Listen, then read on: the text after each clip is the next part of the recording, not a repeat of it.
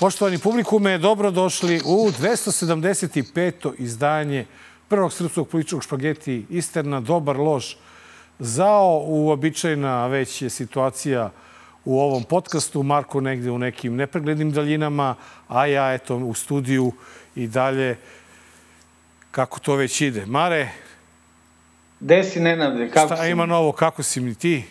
Imam fantastičan pogled na tebe. Ne bi verovao iz kog ugla vidim studio, svaki ćošak. Tebe, naročito, vidim ti svaku vlast tvoje nakostrešene kose. Kos- meni- meni Neverovatno šta sve vidim. Sim, simpatična mi je ova majica žuta, nisam navikao u žutoj boji da te vidim. Ovaj.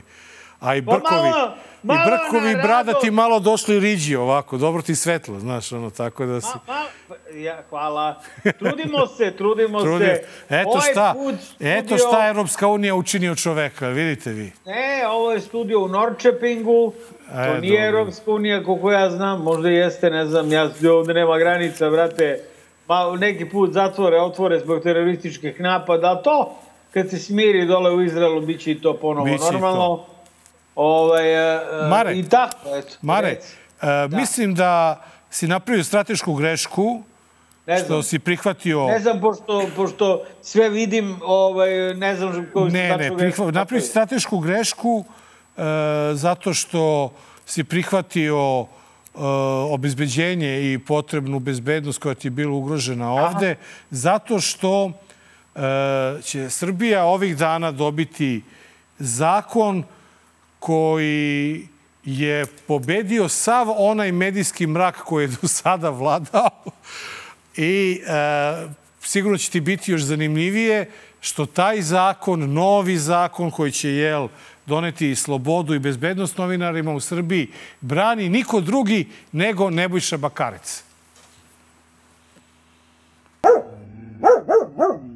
čega jedino Srbiji nije dozvoljeno da promoviše i razvija svoju jednu od najuspešnijih kompanija da se zove Telekom. Ne, nego šta treba država da radi? Da promoviše privatnu kompaniju Šolakovu, United Media, United Grupu, naravno ima sva prava da radi na ovom tržištu kao što je radi, ali ja pitam zašto ta kompanija ima veća prava od državnog telekoma? Pa nema. Mogu da kažem da je ovaj zakon svetionik slobode i zvono demokratije Eto, vidiš. Svetionik slobode i zvono demokratije, što reče Bakarec. A ti u Norčepingu. E, Marko, Marko, ubaci, ugasio si mikrofon. Šta, E. pa, kad, kad dobro vidim, onda gledam da slabije čujem. Pitam se šta je zvono demokratije?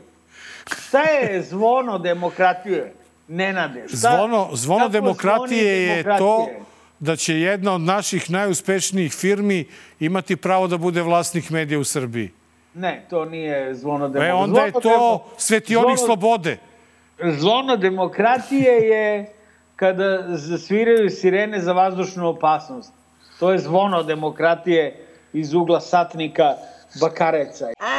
A, mi, čekaj, brate, ti si rekao prošli put da je ovaj zakon ukinut. Ne, ne, ne, ne, ne. U- Ukinuta su ona dva sporna člana, ali smo se obojica pitali šta se to iza njih mulja. Sjaj. Da, Da se ono na dinari sjaji. sjaj, da. E, i ono što se nadirari sjaji, to je u stvari svetionik. Bakarecu slovo U na glavi. E, to je svetionik slobode i zvono demokratije, je li tako? Znaš, jer... Ne razume se, vrate, u te vaše pravne akte, ja sam morao da učim pravne akte Evropske unije, unije article 1, article 7, article 45, i znači stvarno nemam. Ja i dalje, evo, znači, od prošle epizode do ove nije se promenio ništa, ne znam ni koja su ta dva člana ukinuta, drago mi je da jesu, to je očigledno nešto dobro, a, a zvono demokratije i svetionik ovaj ludila, ovaj pardon, slobode, sija punom punom parom Uh, I meni je u svemu ovome, i kad je reč o ovom zakonu i celoj frci koja se digla oko njega, najviše drago za što smo imali prilike da vidimo Bakarec. E, uželao sam ga se, da, imaš pravo. Da, pa Stvarno, da. da. Bez Pa njega da. nekako naš priča o medijima nema smisla. On lepo stavi onaj, turi onaj svoj laptop pored svoje one poslaničke klupice i onda gleda u laptop i seje mržnju, brate, ono, to, onako, taka, taka, taka, taka. U stvari, Mare, e, suština je da Šta gleda na laptopu? ono što Da te- meni samo tu malo... Tebe i mene. ok, jasno je da je Telekom firma koju ova država promoviše, koja, na koju se ova država oslanja, ali, Mare, ja ne verujem u priču da je Telekom naša najuspešnija firma. Telekom je uspešan po nekim njihovim merilima, ali ne verujem da je Telekom na nekom tržišnom nivou uspešan. To je firma koja je platila 600 miliona prenose premijer lige. To je firma koja se... nešto. A? Bunili se. Grickam nešto, izvini. Ali hoću da ti kažem da, da, da je Telekom sve samo nije, samo nije, jel, uspešna firma. Tako da kad... Izgubio sam te, brate, znaš koliko me boli uvoz za Telekom. Šta ti je? Meni su to nezanimljive teme. Oni su nas uništili i, ovaj, i to je to. Mi smo uništeni. I sad ćemo pričamo da, a koja je po tvojom mišljenju najuspešnija firma osim predsjednika? Pa ne znam, ima dobrih firmica po Srbiji, nije da nema. To su neki ljudi za koje mi ni ne znamo da postoje, rade ljudi svoj posao, rade... To su privatne firme, bre. Pa to, privatne A firme. ne može se poredi privatna firma sa, Pa recimo, nema državne RTS-om firme uspešno. Telekom. Koja je, koja je državna firma uspešna, a da nije gubitaš? Telekom. Pa nije gubitaš je. Ne, gubitaš je zbog, gubitak je zbog Šolaka, zato što su morali da plate 500 milijuna evra za, za, za ne znam koliko 600. milijardi se... Ne, 600. 600. 600. 600! Ovaj, Pa zato onda su, gubitaši. koliko bi su bili- morali da plate Mare miliona za uh, Kopernikus, da bi Kopernikus mogao da kupi prvu i B92. Sećaš se toga? Ta sranja, ma nemamo pojma. Ne. Ko boli me ko je kupovao Kopernikus. Ove, ali gubitaš su zbog Šolaka, zato što se plaćala premijer liga. Čekaj da uzmem ove, ovaj, ja se izvinjam, imam posebne ove, čekaj kako se Marko otvaraju. ima posebne potrebe izgleda. Ne, ne, imam posebne norveške bobice, nisi me slušao pažljivo. Jesam, Nor- jesam, jesam. norveške bobice koje se jedu, ali teško se odlamaju. E, dobro, dok mi ovaj, sačekamo da. Marko očisti bobice, e, ajmo mi da vidimo kako je protekao jedan od najtežih dana našem predsedniku od kada je na vlasti. The objective of our visit was to discuss how Razlog naše posete je razgovor o tome kako da napravimo konkretan progres na implementaciji sporozuma o normalizaciji i deeskalaciji nakon nedavnih događaja u Banjskoj i tu moramo da budemo potpuno jasni. Osuđujemo teroristički akt na kosovsku policiju 24. septembra. Svi učesnici treba da budu privedeni pravdi i očekujemo punu saradnju Srbije i konkretne akcije u ove svrhe. Ljudi misle da je to samo zbog Banjske i da je to... Nije. To je taktički bilo užasno za nas, e, donelo katastrofalne trenutne i više nedeljne ili više mesečne posljedice, ali u strateškom smislu ne zaboravite, njihov jedini cilj je na kraju krajeva da mi priznamo nezavisno Kosovo. Ljudi ne treba brinu. Neće biti sankcija, neće biti ništa od toga, ali ovo im je bilo dobra prilika da vide kako je lako se neki okrenu protiv sobstvene zemlje i kako im je tako i toliko malo potrebno da dočekaju prvi težak trenutak za svoju zemlju da to urade. On je rekao lepo da to nije samo zbog Banjske, nije. To je i zato što štitiš palestinske teroriste, se priča da im valjaš oružje, to je zbog tvoje umešanosti organizovani kriminal. Sve je to polako, ali sigurno dolazi na naplatu pred još uvijek neraspisane izbore. On, meni delo je ovako malo tužno. Znaš, kada krene da baljezga, pa ne smije ni da kaže opozicija, kulačin, otkud znam šta. da si se poradovo sankcijama. Ja znam, Nena, da si se poradovo sankcijama. Ono koga si se radovo kad smo se čuli onomad jednom telefonom, ja zovem Nenada, gde si matori, kako si, je sve u redu, ha, ura, sankcije. Tako ti izgledaju naši razgovori.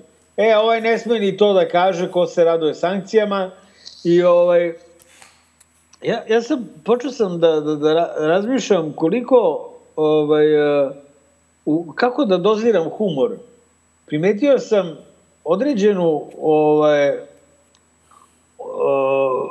određeno razmimoilaženje u mom poimanju humora i poimanju humora gledalaca. Tako da ja ne znam, ima sigurno jedan deo gledalaca koji je uveren da se ovaj razgovor koji sam pripričao dogodio. A dogodio se. Ne, Nenad se raduje sankcijama.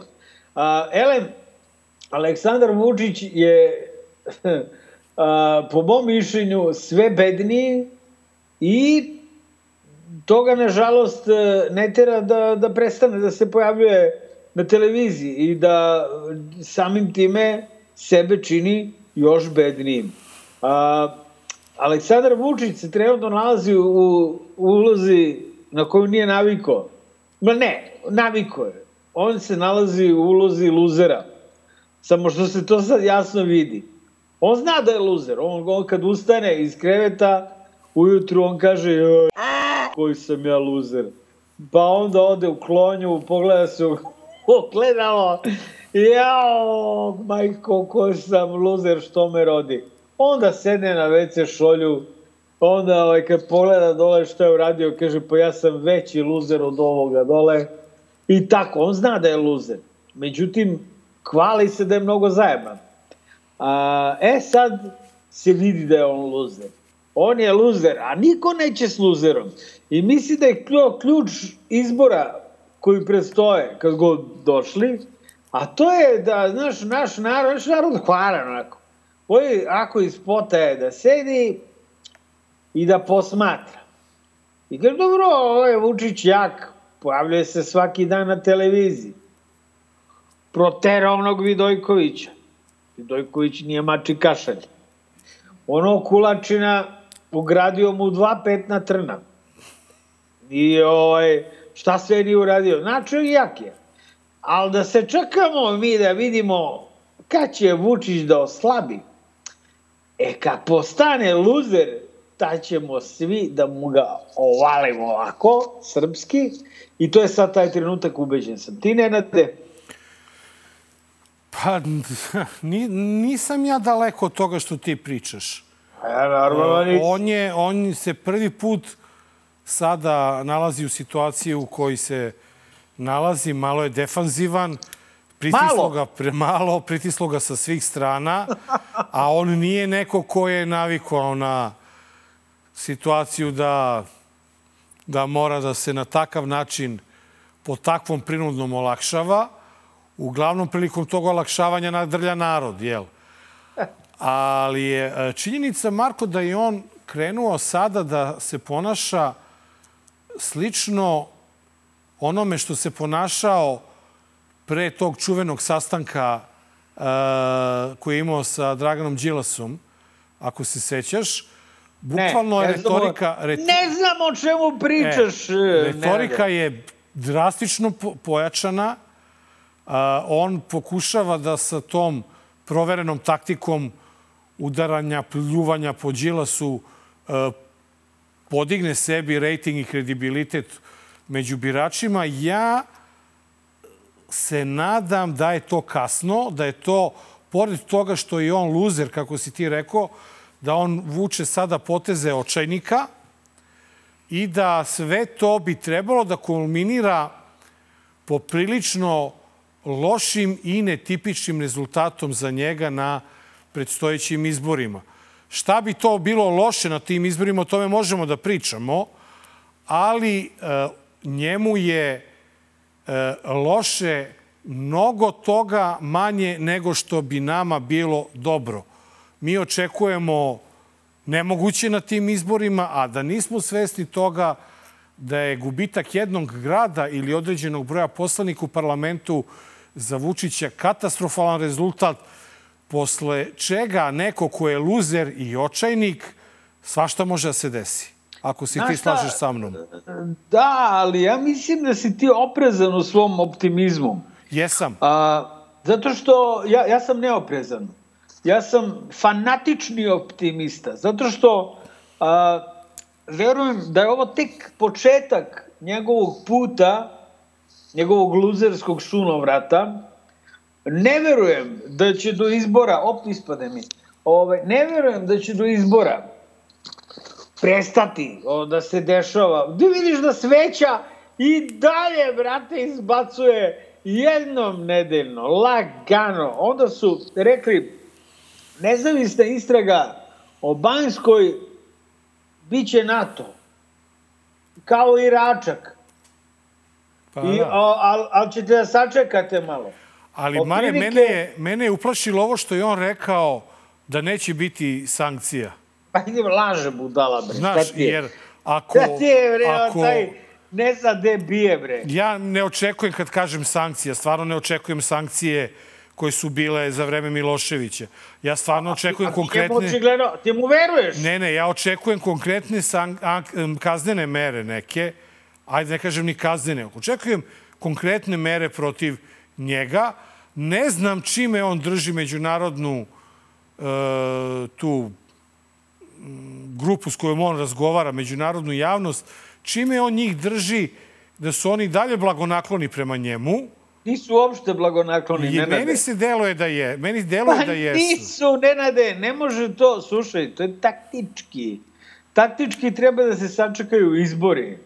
Znači, da misli sad, oni iskrkaju sve što imaju o njemu, sad u oktobru, a izbori, on kaže, aha, pa sad ću ja izbore u martu. Ne. Oni doziraju, kao što vidimo. Sveća prvi dozira. Dobro. On ima, on izbacuje dozirane informacije, a onda ti znaš kako te međunarodne istrage idu. E, ali... Ala, lagano. A znaš šta, ali znaš šta mi se čini, Mare? Ne znam da li deluješ ti taj Dođe onaj utisak kao i ja. Walker, Da ovo onda će sa biti... Jimmy Hill, a ne, on je na drugoj poziciji sad, da se oni svi okupe, pa da dođu na lice mesta u Banjsku, pa da gledaju one šrapnele, rupe od metaka, a svi već sve znamo. Znači, odugovlači se sa time da bi se e, odluka donela u trenutku kada je to potrebno takozvanoj međunarodnoj zajednici. Mislim, čuo si sam Kvinto, ako je to uh, gledanje, ono, gledamo Vučiću uh, na jedno oko i puštamo ga da ne znam nija šta, ne, to nije. On je završio karijeru, verujem. Nenade, iz Evrope kad se gleda, ja razumem vašu paranoju i razumem da ste, da, da živite tu pod tim kretenom 12 godina i, i da ne možete prosto ni da verujete da tome konačno dolazi kraj. Ali, Ali Mare, vidjet ćete i mene jednom tamo i onda ćete znati kraj je došao, Mare došao. E, ali... E, pokušao sam nešto da kažem, ako želiš da me... Ali jebe mu mater sad i ti. Stalno bi nešto nenade da pričaš, nikad ja nešto da kažem. Da. Ovaj, meni se čini da po prvi put međunarodna zajednica ne odlaže temu zbog izbora. To mi se čini. I to će biti veoma zanimljivo da vidimo kako će se ponašati. Ako je u igri to što ti pričaš da oni doziraju da čekaju trenutak kada će uraditi što će uraditi. Ono što je meni isto zanimljivo, to je da e, se desilo nešto mnogo čudno tokom njegove posete Kini. Čini mi se da ste vi ovde mogli da vidite čak i u hotelu i na drugim mestima kolika je popularnost Srbije. Ja nisam znao to valjda kada to vučići ili kako već kad puste pa onda valjda zato što smo podržavali Kinu u, nekoli, u nekim trenucima kada je to bilo teško pa onda tako oni izgovaraju moje prezime pa smo tako i mi kao zemlja stekli ne beznačajnu popularnost i zahvalan sam našim kineskim prijateljima na gostoprimstvu i svemu drugom. Nema veze na čulji čušilu, pet.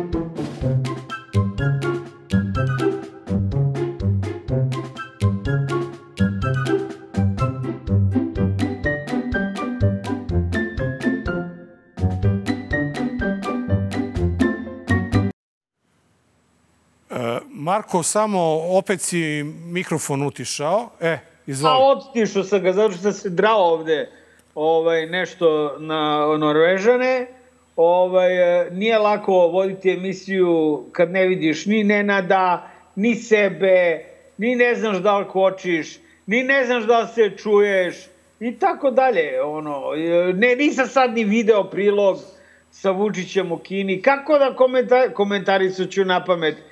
Vučić je otišao i uzeo je bojeve glave, konačno nuklearne bojeve glave u našim rukama, da možemo da ih pobacamo po Hrvatima i, i po ovim e, zlim bosancima, jer ima i dobri bosanci, pa onda po zlim crnogorcima, jer ima i dobri crnogorci koji se zovu Srbi, pa onda i po makedoncima, oni nisu dobili preko njuške dovoljno po mom mišljenju.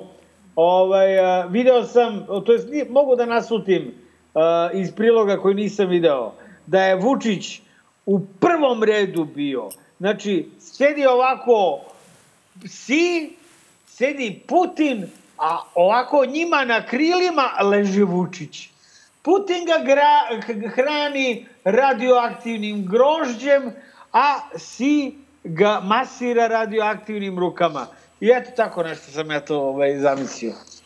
Ne, ovaj, ono što ti nisi video, a što su videli svi koji gledaju DLZ, to je da kad su se vrata sa tog velikog samita, pojas kineski ili kako se već zove, pojas i put, je li tako? Nije bitno, otvorila, prvo su izašli Si i Putin, a Vučić im je držao odstupnicu na kraju kolone. Znači, Vučić je bio tamo negde, video se, pošto je najviši pa se video, a druga... Druga... To, to, je važna, to je važna pozicija. Pa to je odstupnica, mora to neko je da drži odstupnicu. Najvažnija pozicija, ako, ne, ako Amerikanac napadne s leđa, oni su, pazi, u Pekingu. Tiananmen, znači, crveni trg, cvetni trg, ludilo. I sada o, u toj koloni, gde su na čelu kolone jašu Si i Putin, za začelju kolone napadnu neki Amerikanci, neki Englezi, slična neka belosvetska gamad. I ko će da štiti? Naravno da će naš Alek da štiti. E, onda je bila druga scena kada oni svi ulaze, a on stoji na strani i nikomu se ne javlja, javlja se nekim drugim ljudima. I na trećem snimku se vidi to njegova čuvena šetnja gde on sam sa sobom verovatno peva onu čuvenu pesmu ni na istok, ni na zapad, na sever i jug. Tako da meni se čini da je e, ova poseta imala fenomenalne posledice po Srbiju, da je Srbija s- mnogo dobila tom posetom, naročito kada je reč o pristupanju Evropskoj uniji i modernoj civilizaciji. A, potpisan je taj sporazum o slobodnoj trgovini koji treba da na proleće sledeće godine da krene. Vidjet ćemo šta će biti od toga, ali meni se čini da on tamo ipak nije dočeka na takvom nivou kakvom on priča. Tako da je to moj utisak, a Mare je svoj rekao. Jedino što vidim kao benefit od tih dobrih odnosa između Srbije i Kine je taj što sad imamo situaciju da se u brojnim srpskim gradovima kreće i kineska policija. Ma dobro, nije, kreću se zbog Kineza. I zbog pasa. Love pse za, za uh, roštilj i, ovaj, i, i čuvaju Kineze. Znam se da Kinezi hoće, vole da se izbodu međusobno noženima, taka je to nacija, to je njihov običaj, nije ništa strašno i Srbi isto to vole. Ove, I sad za Srbe koji se bodu noževima zadužena srpska policija, a za gospodu Kineze koji upravljaju polovinom ove zemlje i bolje da je zadužena kineska policija. Ja jedva čekam da dođe do nekih indijskih investicija. Da dođu oni indijski panduri sa ovim bambusovim Ej, štapovima. svi oni, da, da, oni štapovi, oni, brate, oni zakače po petoro ljudi kada zveknu jedni jednog. Znaš, to je, to je prava batina, to je prava alatka To je za moja policiju. omiljena policija. Molim? Kažem, to je moja omiljena policija. Indijska. taj- Da, da. E, Mare, ja želim Vidi da... onoga, zamisli indijskog policajca, vidi ovog što se trti na, na ovom električnom trotinetu Ima ih i po zapadu koji se trte, ok, ali u Srbiji je to ludilo, brate. On se trti, prelazi iz, iz brze trake u zaustavnu, ludilo. Brate, kad bi ga sačekao onaj jedan, Uh, ga izblatio po bulji, brate, sa bambusovim štapom. Znaš kao, trtio bi se unazad. Unazad. O, ti patina je. E, Mare, ja, ja, bi, ja želim da se u tvoje, da u tvoje i u moje ime pozdravim e, povratak jednog velikana na srpsku političku scenu. A ja vam donosim pozdrave Tomislava Nikolića, Ane Brnebić i Vladimira Orlića. Oni nisu mogli danas zbog šumarica i školskog časa da budu ovde sa nama, ali će svi zajedno biti u narednim danima i nedeljama. I zato ću biti zajedno i sa Tomislavom Nikolićem na vašim najvažnijim skupovima. Zašto ste vratili Tomislava Nikolića iz Naftalina? Ja juče razgovarao, Toma bio u Šumaricama i čujem se i sa njim i sa Anom. Kajem Tomo, sad ću da te pomenem ako budeš hteo, ako budete hteli da zajedno idemo na dva ili tri mitinga, jer ni ja neću moći da idem baš sad na svaki skup, nije moguće, nije realno. Nemam dovoljno vremena za to. Ja, naravno, čovjek prihvati, kaže, podrazumeva se, Aleksandra, gde hoćeš, kako hoćeš. Ne vidim u čemu je problem. Ne, ne, e, Nenade, verovo ili ne, vidim. Sad vidiš, da. Vidim. Ali te ja. ne čujem. Vidim. ne, ne, čujem, čujem, ali pošto ja imam slab sluh, uh, čujem, čujem dosta loše.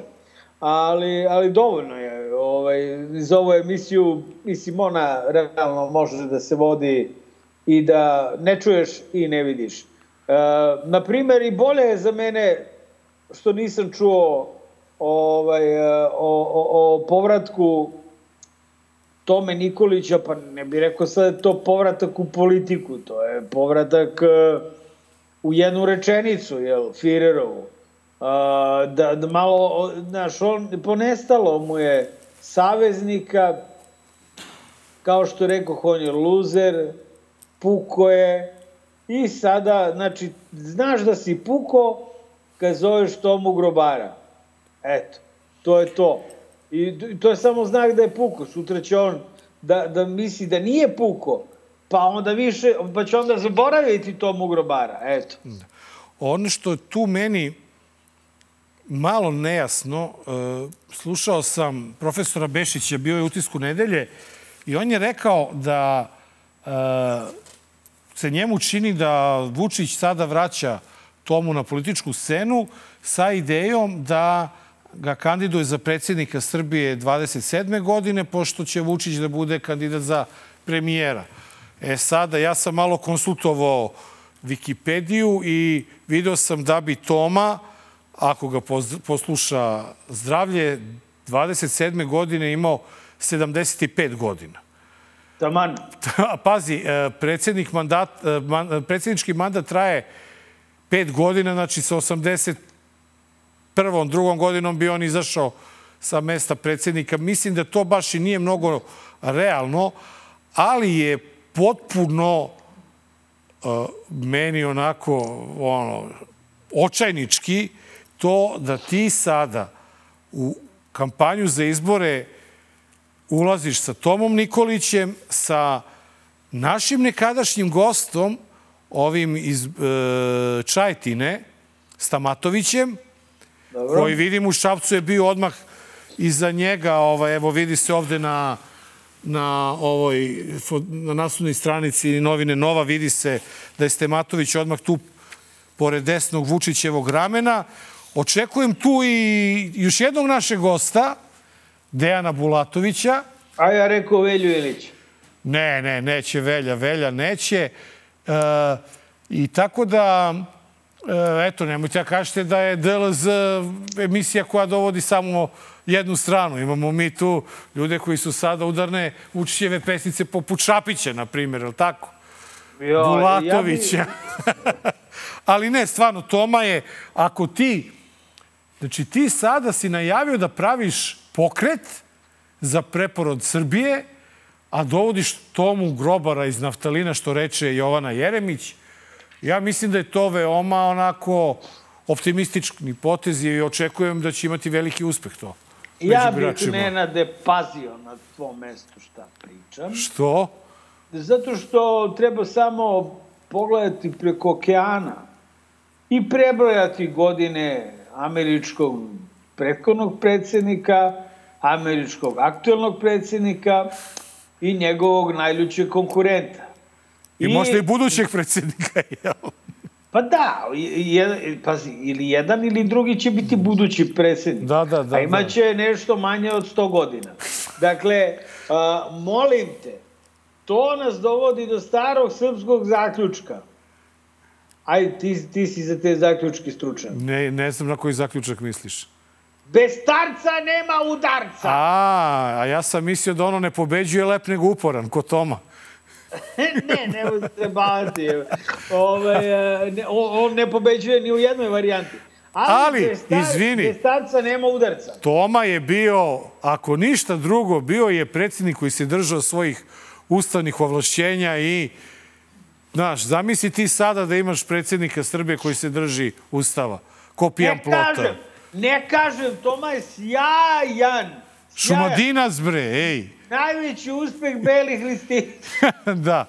E, e, šalu na stranu, pričat ćemo još o, i o Tomi i o uh, Vučiću u Kini i svim ovim aktualnim dešavanjima. Sad je trenutak samo da uh, pozdravimo naše prijatelje iz dnevnog lista danas i novine Nova, kao i da pozdravimo naše drugare sa portala.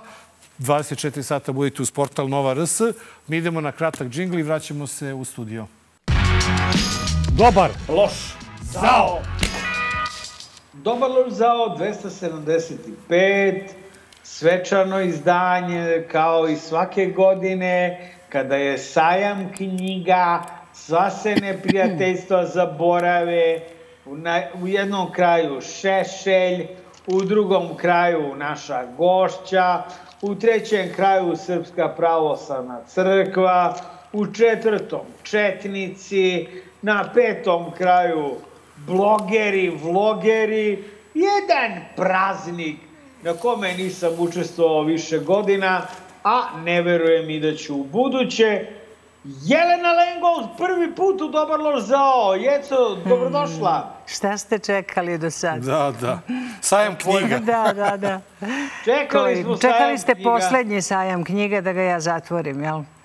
Sve prilike. Da, ovo je, ovo je inače, koliko smo shvatili, poslednji sajam knjiga koji će biti organizovan na sajmu pošto sajam ide u večna lovišta zbog... To niko ne zna. Ovde da. kod nas niko ništa ne zna. Sve je u sferi nagađanja. I ja sam u stvari odlučila, kao i Marko, da ne idem na ovaj sajam knjige, jer jednostavno ne mogu da podnesem tu atmosferu parastosa koja verovatno, pretpostavljam, vlada sad na ovom sajmu. Samo još da dele one papiriće sa žitom po, po štandovima. Jer svi su stalno u nekom fazonu, ne znamo šta će biti, možda će da ostave, možda će da sruše ovu halu, možda će da sruše onu halu, ova je zaštićena i tako dalje. Mislim, znate sve te priče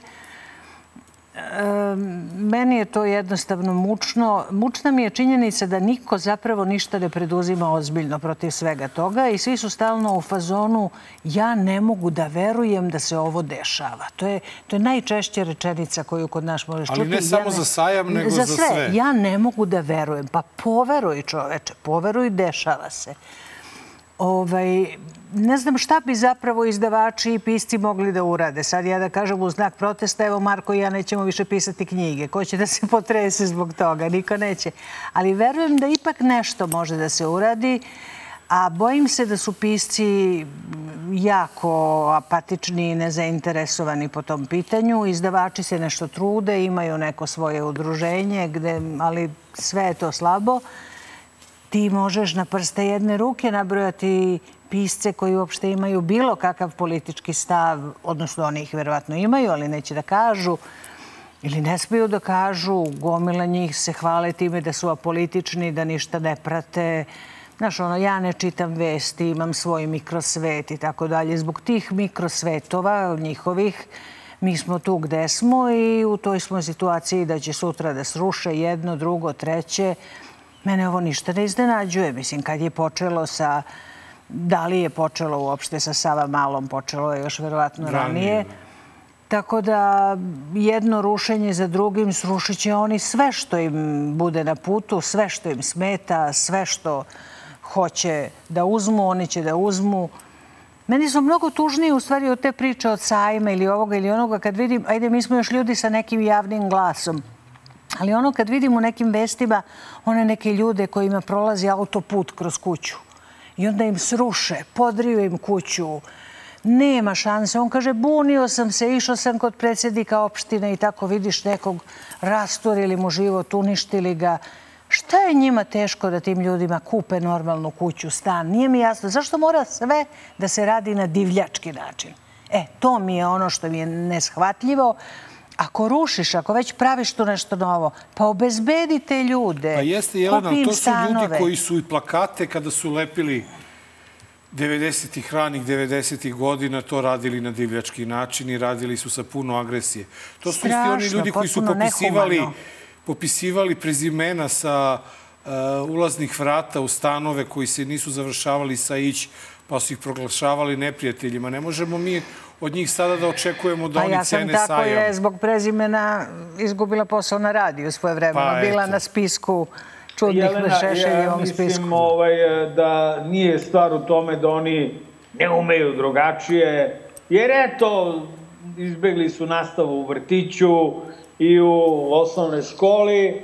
To je njihov jednostavno način rada, način funkcionisanja.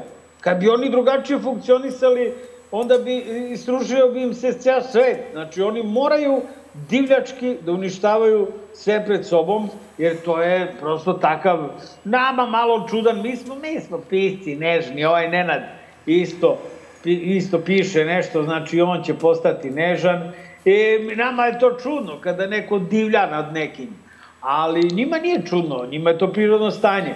Htio sam jedan da te pitam, a, da li e, si upoznata sa izveštajom a, Međunarodnog pen centra koji se pojavio 18. oktobra, a tiče se a, Zapadnog Balkana i situacije slobode govora na Zapadnom Balkanu. Pa ja sam to dobila kao domaći zadatak od tvog druga Kulečina i ovaj, kao i svi neposlušni đaci prošla kroz to samo i shvatila da, da si i ti u tom izveštaju i shvatila sam da si dosta doprina o tome da taj izveštaj bude objavljen na našem jeziku, što mi je drago. Um, ja se nadam da Međunarodni pen centar je malo aktivniji nego što su lokalni pen centri, pošto imam utisak da u okviru te nemoći o kojoj govorimo, da su i sami pen centri nemoćni ti si, koliko shvatam, pod, pod zaštitom Međunarodnog pen centra, ali treba da znaš da, na primjer, naš pen centar posljednjih nekoliko godina dobija tako reći nula dinara za, za međunarodne aktivnosti, a njihov posao je da imaju međunarodne aktivnosti.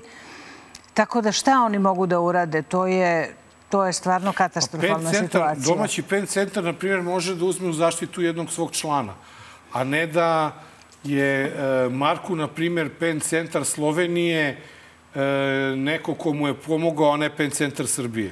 Ne, izvini, Nenade, izvini. potpuno si pomešao, sve si pomešao. Sve sam pomešao. Prvo, prvo, ja nisam član Srpskog pen centra, mm. nadam se da ću postati. A, meni je pomogao Međunarodni pen centar. Da. Ako ćemo da pobrojimo redom, tu jeste Slovenački pen centar, tu je i Hrvatski pen centar, tu je i pen Berlin, tu je i Američki pen centar, između pen centara koji su se našli da mi pomognu. Što se tiče Srpskog pen centra, da budemo popuno fair, Srpski pen centar je stao u moju zaštitu, složio se sa prvom a, a, dakle, izjavom o meni još u januaru. Srpski pen centar je stao uz ovu izjavu, odnosno uz ovaj obimni izveštaj Pronađite ga, danas je objavio izdašno o tome, Gojko Božović iz Srpskog pen centra je pričao o tome. Njima nije laka situacija, najteža situacija kada je reč o Srpskom pen centru, to je kvorum, kao što to obično ide u srpskim ovaj, društvima i udruženjima. Tako da možda deluje Ali suština je u tome da si ti zaštićen kao novinar. Ti si došao u opasnost kao novinar i kao voditelj ove emisije. Ne, dobro, ne, ja jeste sam, i tvoja, ja, ja i tvoja Jelena, poslednja knjiga ih je isto verovatno pa, ganula mislim da je prilično. To bio, ovaj, e, mislim da je celokupni moj književni i aktivistički rad doprine o tome da, da. izvini na rečniku najebem, ali uh, uh, vrlo je jasno zabeleženo šta je to o, trigerovalo. Znači, neću uopšte da pričam o meni. Pričam mm. o Srpskom pen centru kao o, o, o, o pen centru koji jeste stao i u moju zaštitu i u zaštitu Jove Bakića. To je nešto na što uh, se zaboravlja, zato što Jovo Bakić možda nema ovoliku, uh, ovoliki pristup, svakako nema ovoliki pristup medijima kao ja, jer kada se pušta protest iz Kraljeva, odjednom se na N1 iseče deo kada i ovo Bakić treba da govori, ali i ovo Bakić je takođe pod zaštitom Međunarodnog pen centra. I tu zaštitu je isto odobrio uh, Srpski pen centar. Mora da se zna da je, da je Međunarodni pen centar jako bitna institucija. To je naj, najstarija i najznačajnija institucija za zaštitu pisaca i slobode govora. Meni je drago što su oni to uradili i što su bili u mogućnosti da to urade i drago mi je ako je tebi dobro tamo gde se nalaziš, ali e, bojim se da je to malo. E, ti si samo jedan od gomile ljudi koji dobijaju pretnje u Srbiji, što novinara, što, ne znam, pisaca malo manje, jer kao što sam malo pre rekla, nema mnogo pisaca koji uopšte imaju potrebu da se izjašnjavaju ili da se politički angažuju. A, ali previše je ljudi koji su u opasnosti i nema toliko pen centara ili da centara da uopšte da. da bi ih zaštitili. Ljudi koji nisu u medijima, stvar je u tome zašto uopšte dolazi do toga da ljudi zbog svog mišljenja i zbog onog što su rekli da im neko preti životom. Kako to mislim? Zašto mi imamo neke mafijaše koji, koji negde iz senke mogu da ti kažu e, zapamti, imaš decu, znam gde živiš i tako dalje. Kad, kako se to desilo da smo mi došli dotle i da mi to smatramo kao nešto što je normalno, podrazumevajuće i svi kao, e, nemoj, pusti, nemoj sebi da praviš probleme. Znaš ono, kao, nemoj sebi da praviš probleme. Ti nisi... Ta rečenica, to je... je ti nisi neko ko ćuti, veoma si aktivna, naročito na društvenim mrežama, kritikuješ mnogo toga, evo, istina je. je pao, vidiš, pao je Sima. ovaj, I s tim u vezi hoću da te pitam, kako gledaš na ponašanje Aleksandra Vučića u poslednjih nekoliko nedelja od Banjske do danas?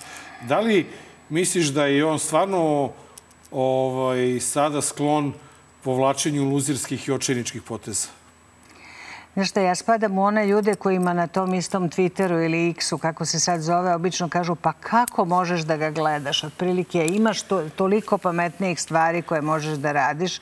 Naravno da radim i te pametnije stvari, ali mislim da čovek ne sme da drži glavu u pesku i da mora da, da bude svestan svoje okoline i onoga šta se dešava. E, pisci su ljudi koji vole da posmatraju da posmatraju i da analiziraju. I sa tog nekog aspekta meni je Vučić strašno interesantan. Ja moram priznati da ja fanatično gledam svaki njegov nastup, svaki njegov intervju. Ako nisam bila u prilici, ja vratim pa pogledam i tako. I ne slušam ja to kao politički analitičar, jer ja to nisam. Ja proučavam njegov izraz lica. Ja pokušavam da vidim a, gde je kod njega ta šmira, kada se on folira, kada on slaže. On ima, to već svi znamo, koje on ima pokrete kad slaže, kad mu je neprijatno, šta radi. Nešto od toga izabeležim i stavim tamo na Twitter. A, užasno je providan.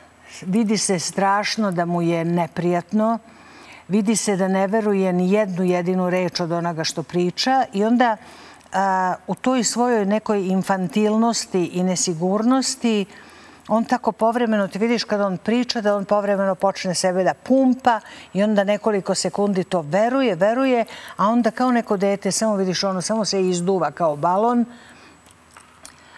A, da li on, šta si me pitao, da li on... Ne, kako komentariš to njegovo ponašanje posljednjih nekoliko nedelja? Da li on sada vuče luzerske poteze, očajničke poteze ili su to sve potezi sa nekom namerom? Ja mislim da su svi njegovi potezi luzerski, bez obzira na to što on opstaje na vlasti, jer to nije mera a, dobitka. Mera dobitka bi bila da vladaš jednim društvom koje je zadovoljno i koliko toliko normalno, neću da kažem srećno, mislim, jer srećna društva, to je utopija, ali normalno društvo, to bi bila mera uspeha. Znači, on je luzer po definiciji. On gubi od početka svoje vladavine zato što ne uspeva da uspostavi jedno normalno društvo. Naprotiv, ja koliko vidim i koliko pratim tu njegovu vladavinu, od kad traje, to je sve lošije i lošije. E, ljudi su, mi smo postali depresivno društvo i ovi potezi koje on sada povlači, mislim, Toma, evo vi ste se nagađali zašto je pozvao Tomu ili ne znam, meni je palo na pamet, vidiš da je Toma možda zadužen za, pošto poznato je da kod nas mrtvi glasaju. Možda je Toma zadužen za sigurne glasove, da te kolone, možda nije bio dovoljan odziv tih mrtvih glasača do sada, pa da ih Toma privede na mesto gde treba i kako treba, ali šalu na stranu, to je zaista onako izvlačenje, ne znam, izvlačit će on, ko zna šta će još izvlačiti, ali sve su to neki očajnički potezi i to će trajati. Ja nemam neki preterani optimizam da ćemo mi sad na ovim izborima njega da ne znam nešto. Ovaj, nema načina da se to uradi sve dok su ove ovakve okolnosti. I to je taj jedan zatvoreni krug u kome a, mi ne možemo ništa da uradimo jer su loši mediji, a pošto su loši mediji, oni dalje vlada, a da bi on prestao da vlada mi bismo morali da imamo drugačije, ne znam, e, okolnosti, da ljudi nešto znaju. Ljudi ne znaju. Mi mislimo da ne znaju ljudi samo u inostranstvu. Evo ne, ja sam jutro bila kod frizera, nije bitno. I pričam sad sa devojkom koja, nije devojka, ima 30 godina. Pita ona, pa gde idete? Ja kažem, idem u Dobrlož zao. Šta je to? Pita me devojka koja je iz Zemuna, koja ima 31 godinu. Znači, ne zna, ne postojite. Postoji čitav jedan svet. Mi mislimo da je ovo nešto što svi znaju. Da svi znaju da je Marko morao da pobegne, da svi znaju da njega ovaj, čuva pen, da svi znaju da ova emisija govori, trudi se da govori slobodno. Međutim, postoji čitav jedan svet koji o tome ne zna ništa. I činjenica je tužna i, i jasna činjenica da sve dok ove televizije vaše ne budu imale ovaj, gledanost jednu veću, širu, to će tako biti. Ne vredi. Oni toliko uporno i sistematski truju, zatupljuju, um, ubijaju ljude sa tih njihovih televizija, da je ovo kap u moru, mislim, ali bukvalno kap u moru svih tih dezinformacija, svih tih kvazi informacija koje oni ljudima serviraju stalno, stalno, stalno. I ja znam, evo, pričam, pričam s nekim, pričaš sa nekim ljudima koji nisu iz našeg sveta, da tako kažem. Ove, ja namerno nekad pričam, popitam ovo, pomenem ovo, pomenem ono i ja vidim da ljudi prosto nemaju pojma sad kad se desilo, ne znam, ovo sve. Imaš ljude koji bukvalno ne znaju da se sve to ispodešavalo što se dešavalo. Jasno. A, hoću samo još jednu pre nego što Marko preuzme. E, čini mi se da je Markova, Markovo i moje višegodišnje zalaganje za jedinstveni nastup opoziciji, opozicije na izborima na korak od realizacije. Da li ti veruješ da je bolje izaći kad govorimo o opoziciji, govorimo o e, proevropskoj demokratskoj opoziciji. Da li misliš da je to e, bolje ili ići u više kolona? Da li smo, Marko i ja, u zabludi sve ovo vreme, jer vidimo kako smo prolazili e, do sada na izborima? Pa jasno je da, da bi bilo najbolje da su oni jedinstveni, ali meni se toliko već smučila cela ta priča. Oni već, oni su morali odavno, još kad su videli, ne znam, u, ako ne u, u, u maju, ali odmah posle toga u, u, posle, posle mesec dana, recimo, kad su počeli svi ti veliki protesti, oni su morali odmah da se angažuju, morali su da se aktiviraju, morali su da prepoznaju da je to poziv ljudi, svih ljudi koji tu dolaze po Bogu, ujedinite se, ne zanimaju me vaše grupe, vaše kolone. Njih je toliko previše. Evo, ja koja pratim stvari, ja ne mogu više da pohvatam. Da ne mogu da pohvatam, ne mogu da shvatim s kim je sad Ćuta, s kim je sad Zelenović. Zelenović je misterije, s kim je on. Da li su zajedno Radomir, ne znam, i, i Đorđe, da, ili su odvojeno. Ne mogu više to da shvatim ko je gde i s kim i ne mogu ni da se trudim. Znači, previše je toga. Ova ima pokret, ova ima front, ova ima grupu, ova ima sve to. Znači, pobogu ljudi urazumiti se. Zašto je njima nemoguće da se dogovore i da kažu hajde sad ćemo to zajedno sa jednom jedinom idejom, a to je da promenimo vlast, a posle ćemo da, to, to je već sto ljudi rekli na, na ovoj televiziji, na N1 i tako, a posle ćemo da raspišemo izbore. Ne. Ali, ali Elena, Uvek. niko da. nije rekao da li je to tako jer su oni politički diletanti, da li su retardirani ili su pokvareni. Ili im se jednostavno ne dolazi na vlast. Ja da sam opozicija, meni se nešto i ne bi dolazi na vlast. Moram pravim ekspo, moram završim Beograd na vodi, moram i dalje da rešavam Kosovo, moram palestincima i Hamasu da prodajem oružje. Ko normalan hoće da dođe na vlast? Meni deluje kao da opozicija, nažalost, radi na tome da dobije neku apanažu iz budžeta. A šta je tvoje mišljenje? Znači, Pa oni nisu retardirani, to su Ja- pametni ljudi. Da, razumela sam te. Ja, pošto nisam politički analitičar i nemam obavezu da imam tačna mišljenja o tome, ja sam imala luksus da, da, da imam romantična neka ovaj, gledanja na sve to i nisam htela da poverujem, na primjer, u to da opozicija u ovom trenutku ne želi, a ovaj, kad kažem ovaj trenutak, to je nekoliko godina, ne žele da dođu na vlast jer je sada vrlo nezgodno da se dođe na vlast jer mora sve to da se, da se snosi odgovornost za jako teške stvari. Pa ne znam, ne želim da poverujem da e, toliko nemaju dobre volje ili da su im toliko jake sujete da ne mogu da se dogovore po cenu da mi sad još, ne znam, 10-15 godina ovako živimo. Pa ne želim da poverujem u to da je, recimo, neke od njih baš briga, jer u suštini njima je okej, najlakše je biti opozicija. Mm, Imaš ovaj mesto, ne znam, u parlamentu si, mm, nekako imaš neku mora, moralno si kao uzvišen, ti radiš neku časnu dužnost, stalno se trudiš i tako dalje, ali za, za Boga nikad ne uspevaš. Ne verujem da su oni svi takvi, zaista. Mi znamo da ima tu sjajnih ljudi i ovaj... e, Fajtera, boraca. Ima fajtera, evo, evo, meni je zaista omiljeni fajter i, i što kaže naša drugarica sa Twittera Biljana, narodni tribun pravi, Srđan Srđan Milivojević, Milivojević. pa recimo e, imaš ljude koji nisu jasno u politici, ali, ali su zaista pravi tribuni, kao ne znam, Peđa Voštinić, pa znaš, ima tu ljudi koji, koji bi, ja bi sutra za njih potpisala da budu na vlasti, da nešto urade, da promene ovu zemlju, da što, što ne dođe jedan Čeda Čupić na vlast, da, da nešto u ovoj zemlji promeni, da postane nešto nego jednostavno eto čekamo tako od nekih ljudi koji stalno kalkulišu, kalkulišu, kalkulišu. Mi smo žrtve svih tih kalkulacija. Koliko smo žrtve e, Vučićevih kalkulacija i njegovih ambicija i šta ja znam, njegovih nekih psiholoških stanja, toliko smo žrtve i ovih kalkulacija koje očigledno traju kada je svaki običan čovek koji iole prati politiku primetio da ovo traje predugo. I kad god ih pitate jeste li se nešto dogovorili, evo dogovaramo se, evo upravo sada čekamo poslednja istraživanja pa ćemo odlučiti. Pa onda jednog dana pročitamo, evo sad su se dogovorili, bit će svi zajedno, da bi sutra opet rekli ne, možda će ipak u dve grupe. Mislim, na kraju mi se smučilo i baš me briga, idite u jednoj grupi, dve grupe, tri grupe i onako su me razočarali. Um, zaista je to razočaravajuće. Ja ću naravno glasati za, za neku od tih grupa, vidjet ću koju. Najviše bih voljela da je to jedna grupa i da mogu da glasam za tu jednu grupu, da ne moram da se mislim. Jer i sa tom jednom grupom pitanje je da li će da pobede. Jer ovi će toliko da kradu.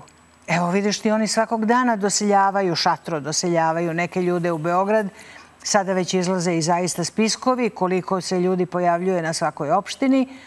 Oni će da dovode i da dovode neke građane, neke lažne glasače. Znači i da se svi dogovore i da su svi savršeni, pitanje je da li bismo pobedili na parlamentarnim izborima. Ja se nadam na Beogradskim da ćemo nešto uraditi. Iskreno se nadam. Dobro, a koliko, koliko veruješ, na primjer, u uh, obećanje uh, Miloša Jovanovića iz DSS-a novog da uh, posle izbora nikakva koalicija sa SNS-om ne dolazi u obzir?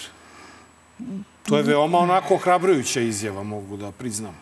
Miloš Jovanović ne spada u meni omiljene političare, tako da ja... U redu, ta, ta, ali moramo da, ja za, ne, ne da znam. ga držimo za reč.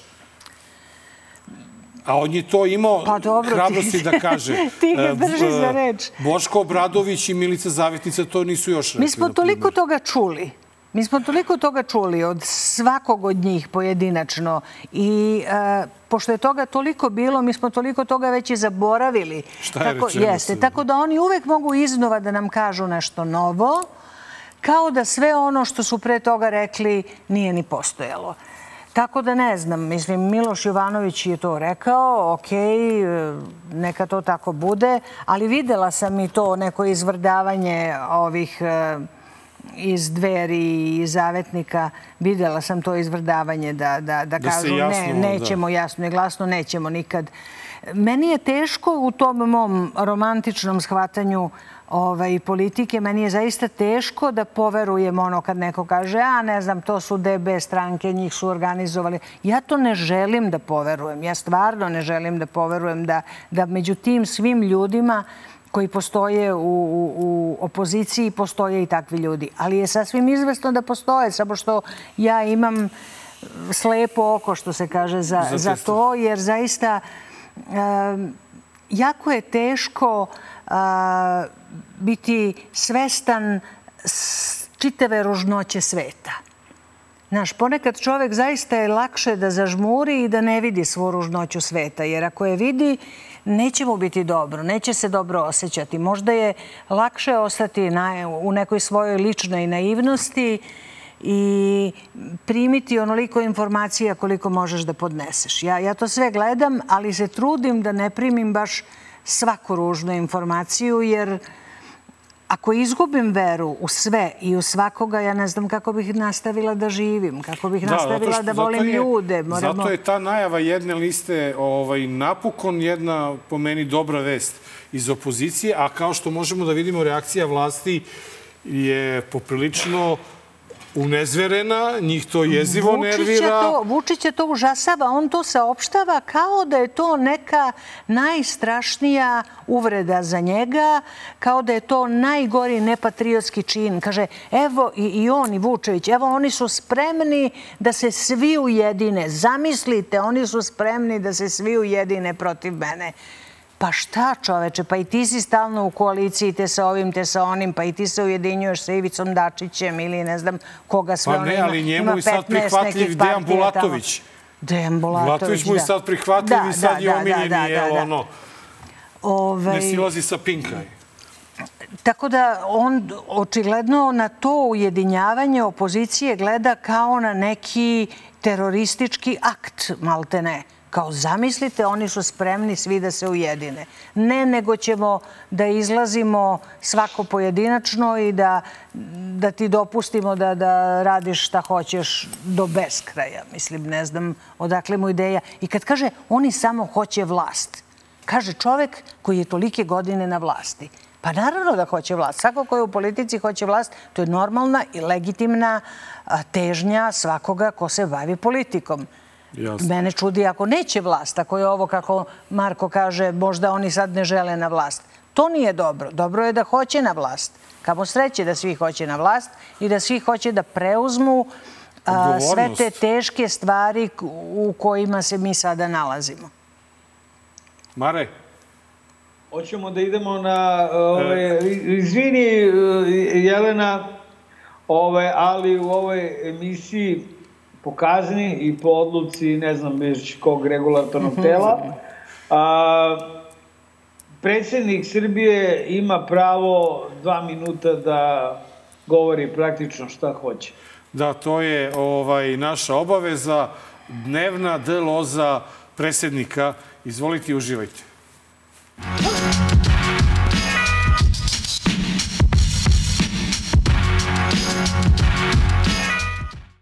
Marko i Nenade, došao sam na sajam knjiga da vidimo kakav si ti to Vidojkoviću pisac, na kom se štandu nalaziš.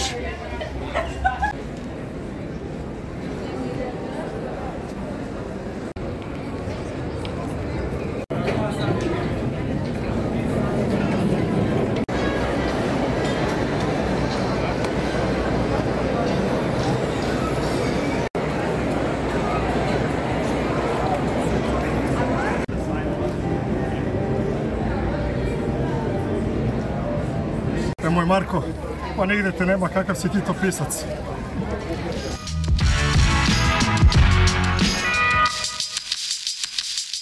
Poštovani naši, 275. izdanje Dobar lož zao, Magareći kutak. Videli smo da je i naš predsjednik e, obišao sajam knjiga. Ono što smo uspjeli nezvanično da saznajemo, to je da je posetio i štan svog duhovnog oca, Vojislava Šešelja, ali da, eto, silom nekih prilika nismo imali mogućnost da vidimo šta se desilo prilikom tog susreta, ali zato mi e, smo spremili veoma zanimljiv magareći kutak.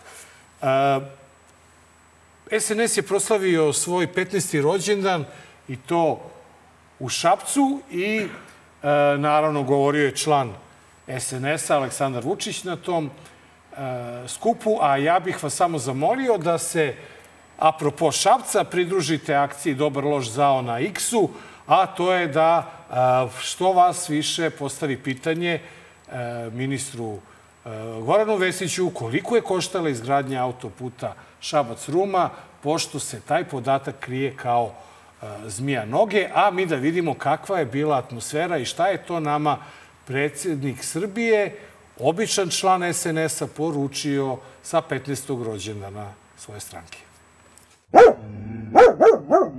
Ja nisam pametan političar. Ja sam lojalan Srbiji, svom narodu i neću da budem moralna prostitutka, da budem dobar svima. I bit ću u Srpsku naprednu stranku i na ovim izborima, ukoliko vi to budete tražili, svim srcem i svom svojom snagom.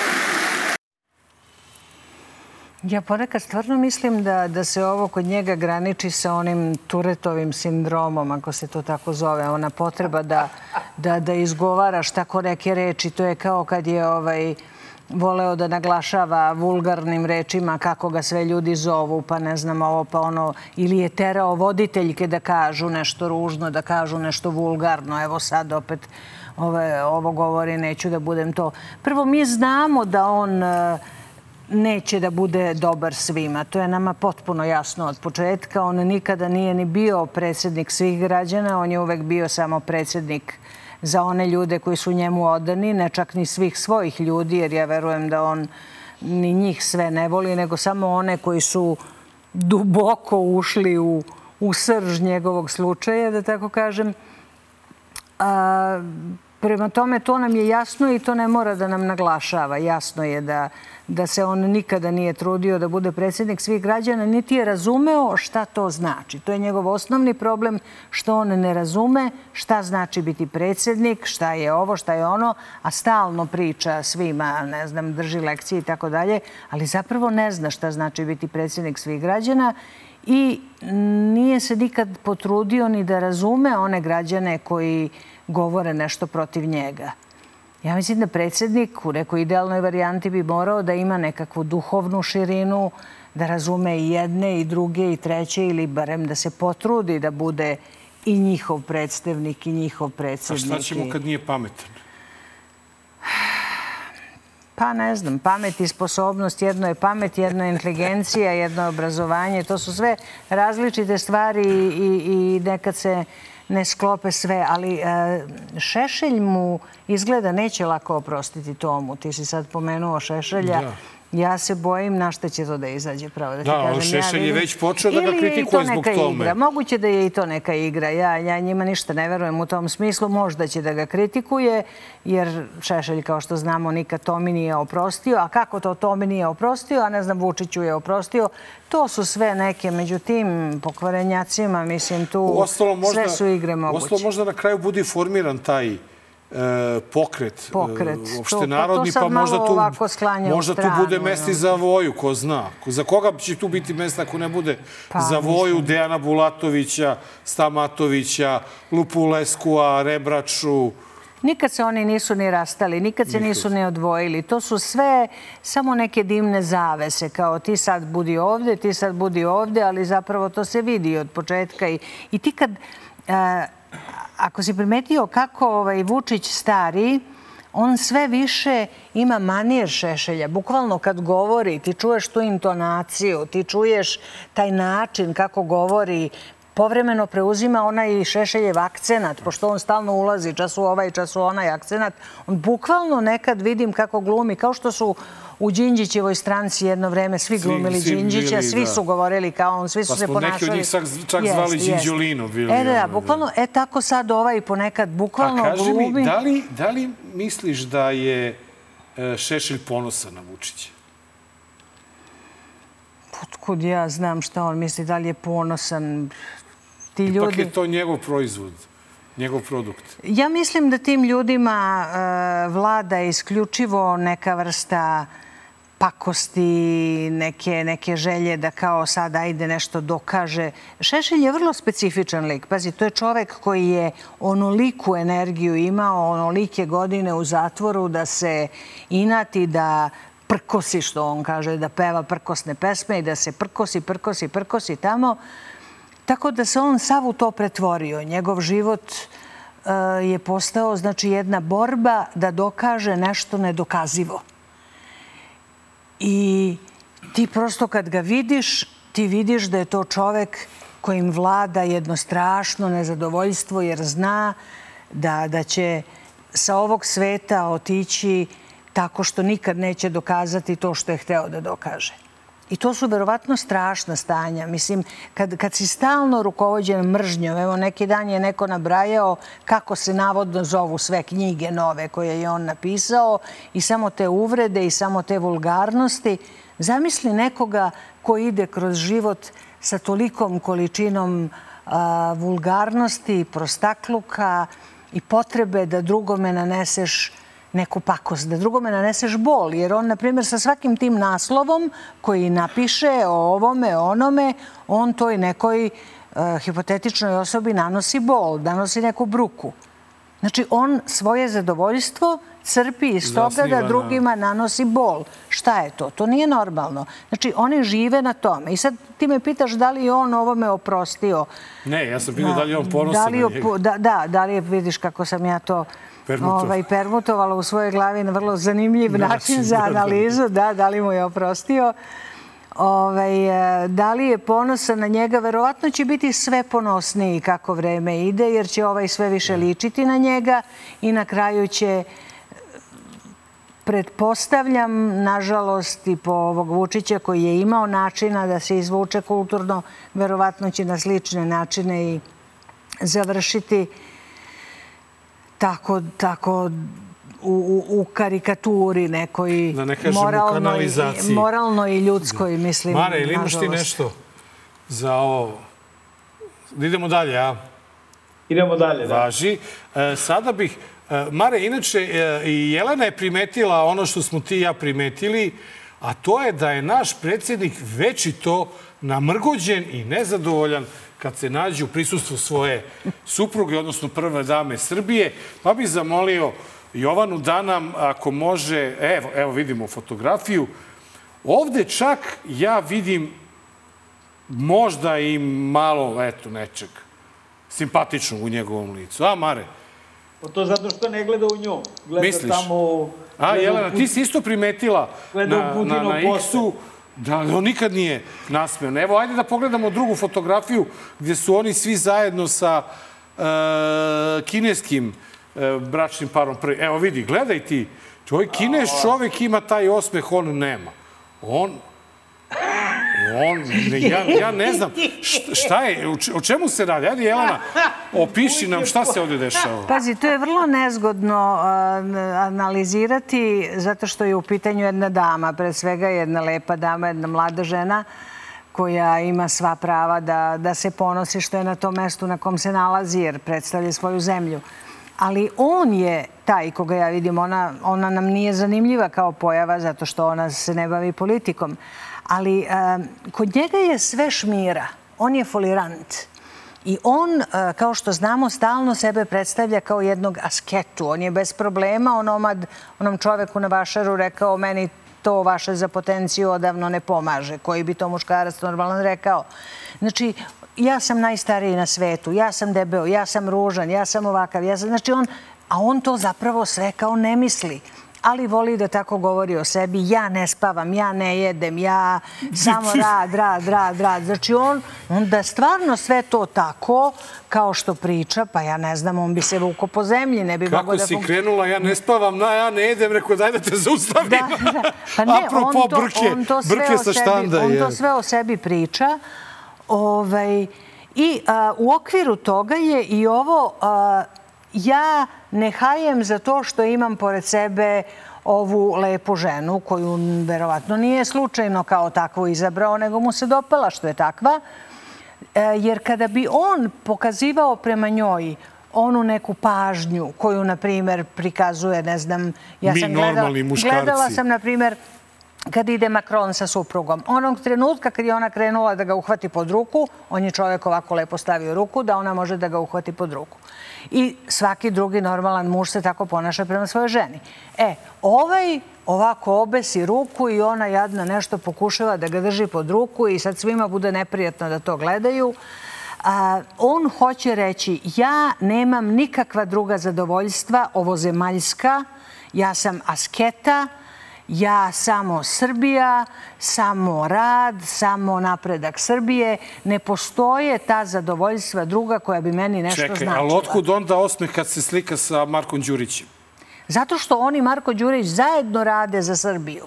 Zato što oni zajedno rade za Srbiju. Oni, Siniša Mali, zajedno rade za Srbiju. Vidiš, kad, kad ne rade u onoj hotelskoj sobi, kad drži ono jastuče, onda ne rade, onda je namršten, sedi i čeka utakmicu, znači tu nema osmeha. Ali kad nešto oni kao rade, kad oni sede u kafiću u Beogradu na vodi, oni, Siniša i ne znam, dete Ana, i neko, Ana, Ana. Ana, onda oni, ovaj, eh, onda je on srećan jer oni rade i u tom smislu. A te insinuacije koje ti praviš, ja ne bih u to ulazila. Mislim da nije u tome stvar. Stvar je u tome da se on neprestano folira, da on nema ni jedno drugo zadovoljstvo u životu osim a, ambicije da Srbija pod njime napreduje, da ne kažem grca. Dobro, Mare, Mare ima zanimljivu teoriju kad je u pitanju predsednik, prva dama, u stvari, predsednik. Da, le, lepo si rekao predsednik. Ja nju da. vidim ovaj, kao predsednicu Srbije, ne samo kao prvu damu. Uh, ko je obratio pažnju? Uh, Tamara Vučić, čak sam je sanjao pre neku noć. O, nešto, nešto.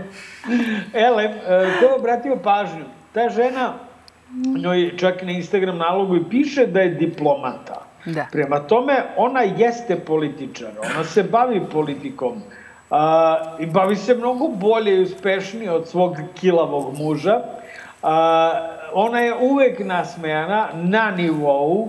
A, ona govori engleski bolje od engleza, što bi se reklo. Slušao sam bažljivo njen govor, ja je pratim, dakle, ovaj, u... u pa zato i sanjaš na Instagramu, pa ne, ja, ja sanjam da će doći dan kada će uh, Vučić zbog silnih napora završiti u sanatorijumu i pošto ova zemlja taka primitivna, znaš, ne padaju promene lako i ovako je najlakše preći s jednog Vučića na drugi, da ga ona jednostavno nasli, kaže, evo ja ću se kandidujem za A predsjednicu. zašto ne sin? Mi smo patrijarhalna. nemoj Mi smo patrijarhalna nemoj. Nemoj, nemoj, država. Nemoj, nemoj. Nemoj, Jelena, Nemoj dete da diraš, Jelena, nemoj. Ne, ali kažem da ovo, Pa mi smo ne, ipak u dete? tradicionalna, je tradicionalna dete. jedna zemlja. Još je dete, je- ne. još je To je dete. dete, najstarije dete. To su njegovo. oni Dačić jednom rekli kad su sedeli negde u nekom kafiću, njih dvojica sa njihova dva deteta i rekli su evo naši naslednici, oni će nas jednom Da, on, naslediti Dačić na je vlasti. tu mislio tako na nešto. čerku, a ne na sina Danila, da tako? budemo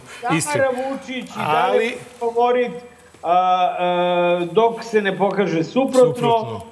O, njen jedini greh je loš muž, ali ljubav je slepa, to ne možemo Pa pazi, zameriti. imali bismo, imali bismo lepšu predsjednicu, predsjednicu. svakako. E, ali sigurno da jedan od ljudi uh, koji ume Vučiću da vrati osmeh na lice je i Toma Mona.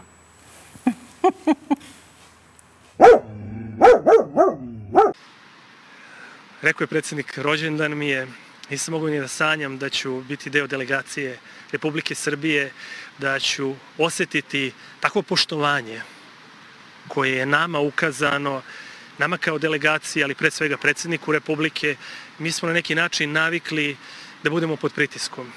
Mi u Evropi nikome nismo omiljeni đak, ali kada dođete u prvu ili drugu svetsku supersilu i kada budete dočekani na način kakav ste gledali samo u filmovima, kada jed, lider jedne supersile dočeka drugog lidera supersile, U kom je film ovaj Toma? Meni on deluje kod da je zombi, brate, ono, Ovo je majke. veliko. On, Nenade, Nenade, on A? više nije Toma Mona, on je Toma Morona.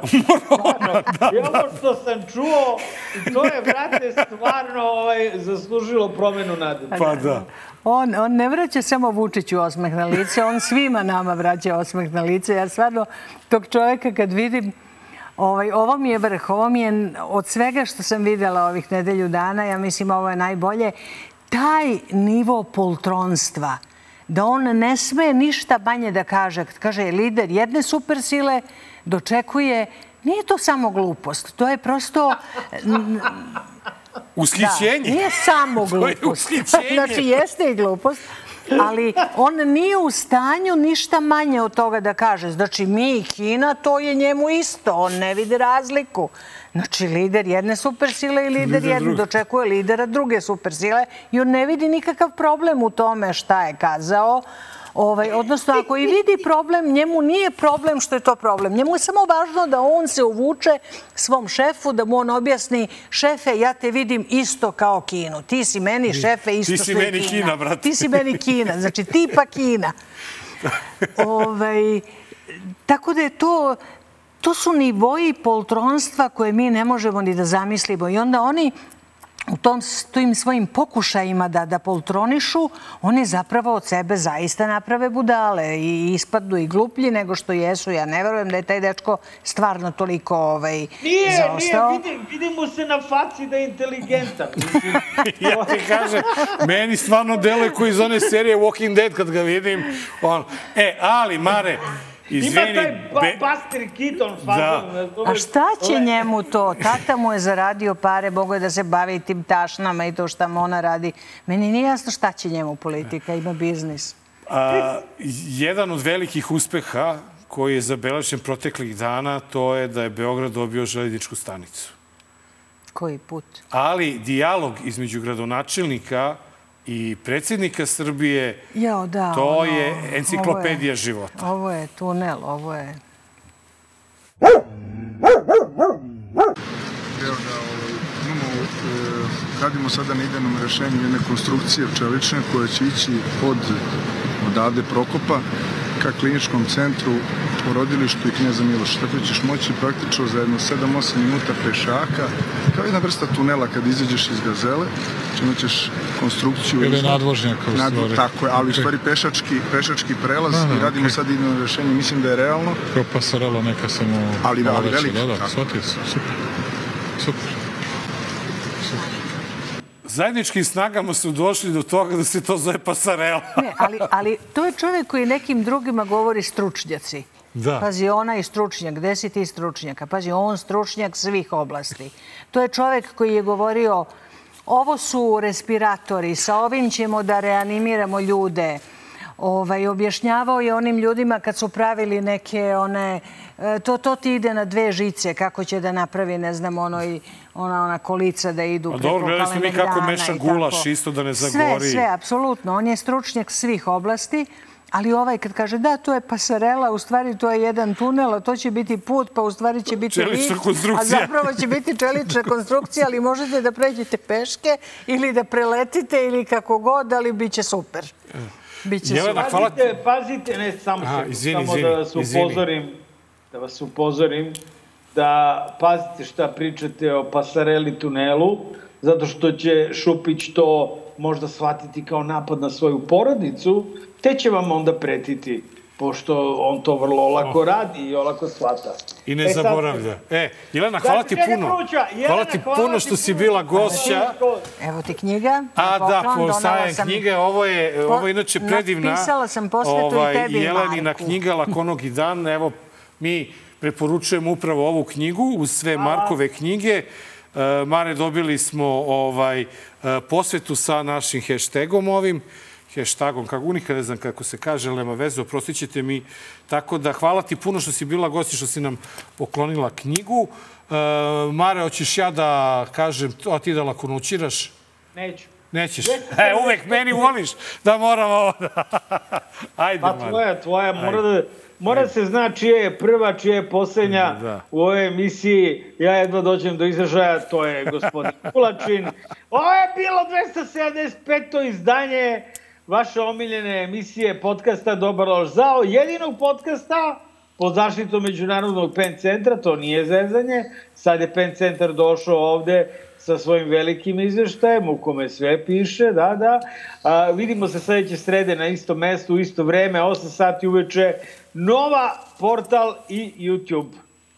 A ništa, lakonućirat ćemo otprilike onako kako smo i govorili tokom emisije, a to je da smo eto i mi iz naftalina izvukli e, izjavu e, čoveka za koga e, Jelena, naša gošća, tvrdi da će biti verovatno zadužen za e, sigurne glasove, one zagrobne. Laku noć i prijatno do 7 dana. U Srbiji nema boljeg. U Srbiji nema boljeg. U Srbiji nema boljeg. Od dvoje u Srbiji nema boljeg. te uši U najavi je pobeda kada uzme majk. Znanje da propovedam, napušavam odreda. Svak fake goveda što veličaju lovu. Koja je prokleta, klinci što se lože na prijave bolida. Koji u isto vreme ne moš hoda i da priča sistem vrednosti ništa.